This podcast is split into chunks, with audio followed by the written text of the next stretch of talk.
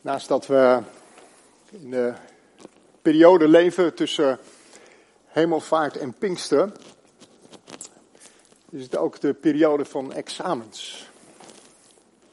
Ik weet van een aantal mensen die examen doen, die heb ik niet gezien vanmorgen. Wat ik ook nog wel kan begrijpen. Maar misschien heb ik iemand over het hoofd gezien. Is er iemand die in de zaal die examen doet deze periode?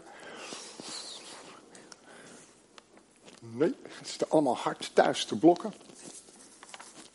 Um, of bij te slapen van het harde blokken van gisteren, dat kan ook. Een van de dingen die mij, die me opvalt is bij, bij het doen van examen en dan vooral daarna. Hè, wat, wat ga je daarna doen?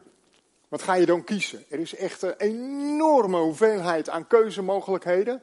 Van wat je verder wil gaan uh, studeren of dat je al wil gaan werken. En zo ja, wat dan? En wat moet ik dan kiezen? En dan ben je ergens 16, 17, 18, 19. En dan moet je dan al niet alleen gaan nadenken, maar ook al gaan kiezen over wat, wat ga ik de rest van mijn leven doen. Tot, uh, nou, in jullie geval misschien al wel 70. wat is mijn roeping? Wat is mijn bestemming? 16, 17, 18, 19. Moet je er over nadenken. En ik vind het lastig. Aan de ene kant vind ik het mooi dat er zo ontzettend veel keuze is. En denk ik wel eens, oh, wat zou ik gekozen hebben? En aan de andere kant kan ik me daar ook niet zo heel veel um, bij voorstellen, omdat ik van jongs af aan al direct wist wat ik wilde worden. Het was overduidelijk. De eerste fase was dat piloot. Vrij vlot daarna was dat brandweerman. En toen dacht ik. Uh... Oké, straks bij de koffie wil ik hem horen. En, uh... Maar was ik bij brandweerman? Oh ja, daarna kwam profvoetballer, die wisten jullie al. Die hebben we een keertje gehad in een quiz hier. Ik denk, nou, dat lijkt me ook wel uh, oké. maar nee, dat is uiteindelijk ook niet geworden. Maar toen wist ik het zeker, ik wilde bakker worden. Gaan ze weer opnieuw lachen? Dames, ik kan hier alles zien, hè? Maar zonder gekheid, en je kan erom lachen of je kan er niet om lachen, maar dat is wel gelukt. En dat is ook wat ik heb gedaan. Ik ben brood- en banketbakker.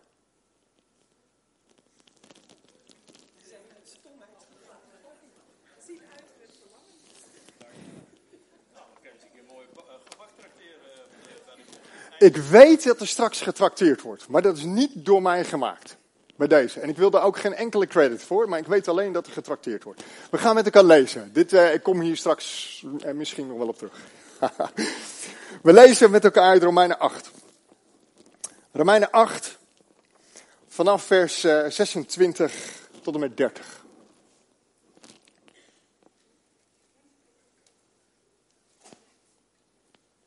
En bovendien komt de geest onze zwakheid te hulp. Wij weten immers niet wat we in ons gebed tegen God moeten zeggen. Maar de geest zelf pleit voor ons met woordloze zuchten. God, die ons hart doorgrondt, weet wat de geest wil zeggen. Want de geest pleit voor de heiligen overeenkomstig Gods wil. En wij weten dat voor wie God liefhebben, voor wie volgens zijn voornemen geroepen zijn, alles bijdraagt aan het goede. Wie hij van tevoren heeft uitgekozen, heeft hij ook van tevoren bestemd om het evenbeeld te worden van zijn zoon. Die de eerstgeborene moest zijn van talloze broeders en zusters. Wie hij hiertoe heeft bestemd, heeft hij ook geroepen. En wie hij heeft geroepen, heeft hij ook vrijgesproken. En wie hij heeft vrijgesproken, heeft hij ook laten delen in zijn luister. We zijn met elkaar bezig om na te denken over identiteit. Over onze identiteit in Christus. En dat doen we aan de hand van Romeinen 8. We hebben de eerste drie uh, gedeeltes van Romeinen 8 al besproken met elkaar. En in dit hoofdstuk staat Paulus stil bij onze identiteit. En we zagen de afgelopen weken dat er geen veroordeling meer is. Er is geen veroordeling meer voor ons. Hier en nu, maar ook niet straks. En we hebben gezien dat Paulus het heel persoonlijk maakt als hij zegt: jouw identiteit is dat je een kind van God bent. Een kind van God zijn zonder dat je in angst hoeft te leven. Een kind van God zijn vanuit de diepe zekerheid dat God onze Vader is. En die zekerheid, die hebben we nodig. Die hebben we nodig om vol te houden. Want, zo vervolgt hij, kind zijn betekent, betekent erfgenaam. En erfgenaam betekent niet alleen maar erfgenaam van de luister, van de glorie, van de hoop die we in Jezus zien. Maar erfgenaam betekent ook delen in het lijden. In het lijden hier en nu. En dat maakt dat we mogen leren volhouden. Dat we mogen blijven hopen, dat we mogen blijven verwachten, dat we mogen blijven uitzien naar datgene wat komen gaat. En in dat alles speelt de Heilige Geest een sleutelrol. Als je gaat tellen, dan zie je dat in dit hoofdstuk 8 tot 14 keer de Geest van God genoemd wordt. Dat zegt al genoeg. 14 keer. Het is de Geest van God die in ons woont. Het is de Geest van God die ons leidt die ons leven beheerst, die bevestigt, die verzekert, die we als voorproefje hebben ontvangen op datgene wat straks gaat komen, wat ons te wachten staat. En dan pakt Paulus de draad op om langzaamaan te werken richting onze roeping, richting onze bestemming. En als je dan leest in de versen 26 en 27, dan vormen die versen een soort van scharnier van het voorgaande naar wat gaat komen. Een scharnier tussen het volhouden in het lijden hier en nu tot aan onze bestemming. Als het ons te veel wordt in het hier en nu, in het lijden of in de zorgen die we meemaken. Als het ons te veel wordt, dan komt de geest van God onze zwakheid te hulp schrijft hij. Als we niet meer weten wat we moeten bidden of hoe we moeten bidden, dan neemt de geest van God het over. En theologen vinden het heerlijk om met elkaar in gesprek te gaan of te discussiëren of te bagleien over deze twee versen. Want, laten we eerlijk zijn, wat betekent dat nu werkelijk? Woordloos zuchten. En hoe gaat dat in zijn werk? Dat de geest ons gebed een soort van overneemt. Hoe merk je dat? Hoe werkt dat? En dan zijn er sommige uitleggers die zeggen, ja, dat gaat om stil gebed. Woordloos. Gebed zonder woorden. Of andere uitleggers die richten zich op het zuchten. En die zien een link met het zuchten van de schepping waarover daarvoor geschreven wordt. Het zuchten van de schepping en het zuchten van onze sterfelijke lichamen. En in dat zuchten neemt de Heilige Geest het met woordloos zuchten ook over. Weer anderen die zeggen, nee, het gaat hier om het bidden in tongen. Namelijk, het onverstaanbaar is voor mensen, maar voor God is het verstaanbaar. En de geest die neemt dat over en de geest die weet wat dat doet. En zoals bijna altijd zijn er voor elk van die inzichten goede argumenten voor te vinden en zijn er ook goede argumenten tegen te vinden. En precies dat maakt het zo mooi om met de Bijbel en met elkaar in gesprek te gaan. Om daarover te spreken samen, om daarover na te denken, om argumenten te wegen, te wikken, om misschien voorzichtig een keuze te maken, om naar elkaar te luisteren en om te groeien in je geloof. Dat is precies wat er gebeurt op onze kringen. Tenminste, als het goed gaat. Samen lezen, samen leren, samen groeien in je geloof. Dat is precies wat er twee keer in de maand op zondagavond in oefenturen gebeurt als we gewoon de Bijbel open doen en samen lezen met elkaar. Terug naar deze verse. Ik denk niet dat Paulus hier primair als theoloog spreekt, maar ik denk dat Paulus als herder spreekt. Ik denk niet dat we over de Bijbel alleen hoeven te spreken van, joh, wat is nu de juiste interpretatie? Maar ik denk dat we vooral de Bijbel tot ons mogen laten spreken. En dat we de Bijbel in ons leven mogen laten spreken. En wat ik dan hier lees in deze verse, is dat er een enorme troost naar voren komt. Want als het ons niet meer lukt om te bidden, om welke reden dan ook, maar als het ons niet meer lukt om te bidden, dan zien we hier dat Gods geest het van ons overneemt. Dat God het als het ware zelf van ons overneemt. Zijn geest die in ons woont, die pakt het op en hij bidt naar de wil van God. Want de geest van God is God zelf. Hoe dat in zijn werking gaat, weet ik niet. Is een mysterie. Iets waar we niet precies de vinger op kunnen leggen en misschien ook wel iets waar we niet precies de vinger op hoeven leggen. Een mysterie wat we bij God mogen laten en waar we ons tegelijkertijd wel aan mogen optrekken. Dat je weet, dat je beseft, dat als jij het zelf niet meer even niet meer ziet zitten, dat Gods geest het overneemt.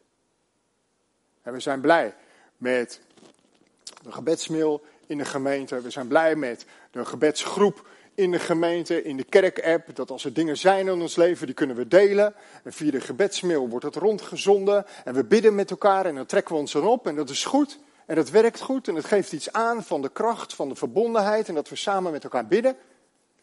Maar dit gaat nog vele malen verder. Dit is Gods zelf die in ons eigenlijk het stokje overneemt en bidt. En dat mag ons vertroosten en dat mag ons bemoedigen. En God doet dat omdat Hij het goede met ons voor heeft. En daarmee komen we uit bij die volgende woorden. Misschien wel de bekendste woorden uit dit gedeelte.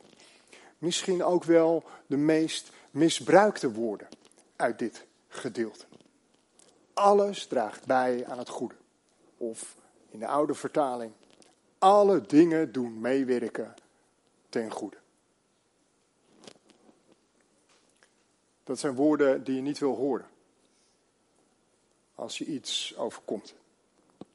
Dat zijn woorden die je niet wil horen als je midden in lijden zit, of zorgen hebt, of verdriet. Dit zijn de woorden die soms onnadenkend door iemand anders worden uitgesproken en dan overkomen als zijn van, ah, kop op joh. Hé, hey, het gaat wel goed komen. Ah, weet je, na regen schijnt, zon, schijnt de zon weer. Nou, je moet hier doorheen, maar je komt er vast wel sterker uit. Want alles doet meewerken ten goede. Misschien herken je het wel. Misschien zijn er wel mensen die dat op een moeilijke periode in je leven tegen jou gezegd hebben. Hey, misschien heb je het zelf wel eens gezegd tegen iemand die in een moeilijke periode zat. Kijk, als je dit nou zelf zegt, dan vind ik dat anders. Of als je dit nou achteraf zegt, dan is het ook anders. Ja, toen en toen en toen en toen. En het was niet leuk, maar ik ben er wel sterker uitgekomen. En God, zie je, die doet alles meewerken ten goede. En, maar dan zeg je het zelf. Of je zegt het achteraf. En ik heb daarmee zitten worstelen deze week. Want Paulus zegt het niet achteraf. En Paulus zegt het ook niet tegen zichzelf. Paulus schrijft aan de gemeente in Rome met zo haar eigen perikelen in de samenstelling van die gemeente. Gemeenteleden met een Joodse achtergrond, gemeenteleden met een niet-Joodse achtergrond. Nou, recept voor perikelen. En Paulus schrijft het aan hun. En over hun hoofd heen schrijft hij het aan ons. In een context van lijden, van meezuchten met de schepping. In de context van strijd. De strijd met, met de eindigheid en met het vluchtige van ons leven hier en nu. Als je God lief hebt, dan draagt alles bij aan het goede. Weet je, we zijn misschien wel geneigd om het direct op ons leven hier en nu ook toe te gaan passen. Het gaat nu wel goed komen, want alles doet meewerken ten goede. Het, je zal er nu wel beter uitkomen. Misschien bedoelt Paulus dat helemaal niet. Misschien bedoelt Paulus wel niet hier en nu, maar bedoelt Paulus daar en straks. Ik heb het al gezegd, we zijn kinderen van God. Dat is onze identiteit. Maar als we kinderen van God zijn, dan zijn we ook erfgenaam. Dat betekent dat we in de erfenis van Jezus delen. En dat delen in die erfenis betekent delen in zijn luister, in zijn glorie straks. Maar het betekent ook delen in zijn lijden, nu. Aan deze kant van de eeuwigheid. En daarin straks, aan de andere kant van de eeuwigheid, delen in zijn luister. Misschien dat dat meewerken, dat dat bijdragen aan het goede. Dat het wel toekomstig gericht is. Dat alles wat er hier en nu gebeurt, wereldwijd, maar ook persoonlijk, dat het uiteindelijk bijdraagt aan het goede straks. En dat ons uitzicht straks vernieuwing is. Een vernieuwde schepping, een vernieuwd lichaam, een weerzien met de mensen die we hier en nu zo ongelooflijk missen. Een toekomst die God van tevoren al heeft vastgelegd. En die in Jezus veilig is en verzekerd is. Een toekomst waarin we delen in Gods luister. In zijn heerlijkheid. Een toekomst waarin alles nieuw is. Waarin er herstel is. Een toekomst waarin we volledig tot onze roeping en volledig tot onze bestemming zullen komen. Want dan vat Paulus het samen en dan maakt hij het persoonlijk. En dan zegt hij, God kiest, God roept, God bestemt, God spreekt vrij, God laat je delen in zijn luister. En als we dat dan lezen, die woorden, van tevoren geroepen, van tevoren uitgekozen, van tevoren bestemd.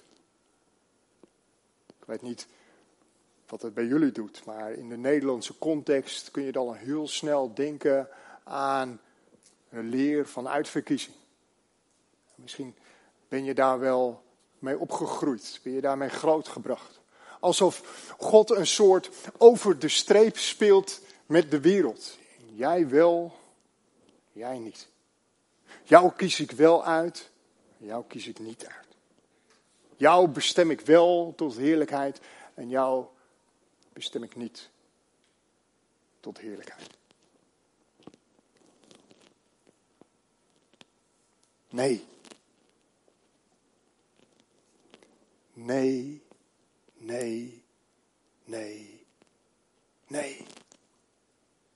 En nog eens een keertje nee. Dat is niet het beeld van God wat er vanuit de Bijbel naar ons toekomt. Alsof hij een soort van willekeurig maar mensen kiest en mensen afwijst. Nee.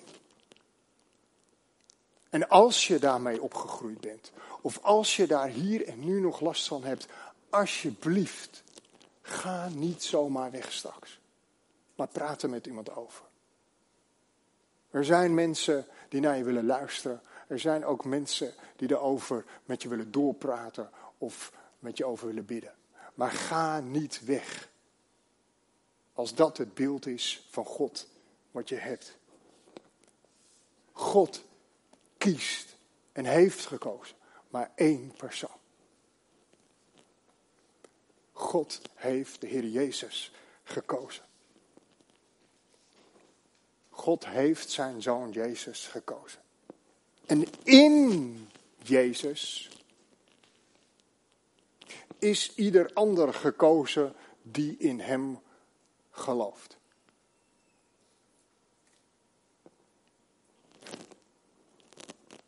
Nog een keertje. Omdat het zo belangrijk is. God heeft maar één iemand uitgekozen.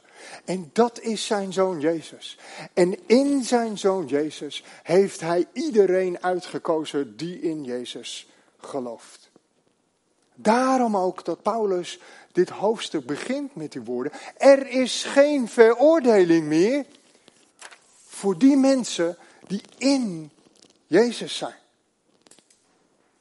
In Jezus zijn we van tevoren gekozen, geroepen, vrijgesproken met als doel, en dan kom ik uit bij onze bestemming, om het evenbeeld te worden van zijn zoon. Om het evenbeeld te worden van Jezus. Letterlijk staat hier icoon, evenbeeld. Zoals in de Oosters, orthodoxe en de katholieke kerken iconen, afbeeldingen hangen van Jezus. Wij zijn geroepen om een afbeelding van Jezus te zijn. Hier en nu een afbeelding van Jezus. En ook daar en straks een afbeelding van Jezus. Kortom, kind zijn van God betekent niet dat alles maar voorspoedig gaat. Net zoals Jezus leed, wordt ons ook lijden niet bespaard. Maar dwars doorheen, dwars door dat lijden heen, is de geest van God als een trooster aanwezig in ons leven. Als een trooster en als een voorbidder. En helpt de geest van God om ons vol te houden. Vol te houden tot aan dat einde toe. Dat vernieuwde einde. Wat onze bestemming is en wat onze roeping is. Namelijk om een afbeelding van Jezus te zijn. En als dat onze bestemming of onze roeping is, dan maakt het helemaal niet uit. Wat je kiest als vervolgopleiding of wat je tot je zeventigste straks wil gaan doen. Dan maakt het niet uit of je piloot bent of brandweer bent of profvoetballer. Of zelfs brood of manketbakker. Want je bestemming, je roeping is om dwars daardoorheen een afbeelding van Jezus te zijn. En voor die mensen die denken, hoe kun je daar nou staan te preken als je brood om kitbakken bent? Daar kunnen we straks over doorpraten tijdens de koffie. Laten we bidden met elkaar. Vader in de hemel, we zijn u dankbaar voor uw woord. En dankbaar dat uw woord levend is en dat u door uw woord tot ons komt. Dat u spreekt in het hier en nu tot ons allemaal. Heer, dank u wel voor de ongelooflijk grote troost die het geeft dat uw geest in ons woont. En we bidden met elkaar en voor elkaar dat we verder mogen groeien in onze identiteit in u. Dat we het meer en meer mogen omarmen dat we kind van u zijn, Vader. Heer, en we bidden met elkaar en voor elkaar dat u zult laten zien hoe we handen en voeten mogen geven aan onze bestemming, aan onze roeping. Vader, help ons. Help ons om een afbeelding te zijn van uw Zoon, de Heer Jezus. Naar elkaar toe. In onze gezinnen, in onze families. Op school, op de plekken waar we werken. Op de plekken waar we zijn, waar we bewegen, waar we boodschappen doen. Altijd en overal. Wilt u dat verder maar uitwerken? In ieder van ons. Dat we een afbeelding zijn van de Heer Jezus. En we bidden dat, Heer, uit genade. En we bidden dat niet dat we uit eigen kracht ons uiterste best moeten doen. Maar we bidden, Heer, voor ruimte voor uw Heilige Geest om dat binnenin ons uit te werken en door ons heen te doen. In Jezus' naam. Amen.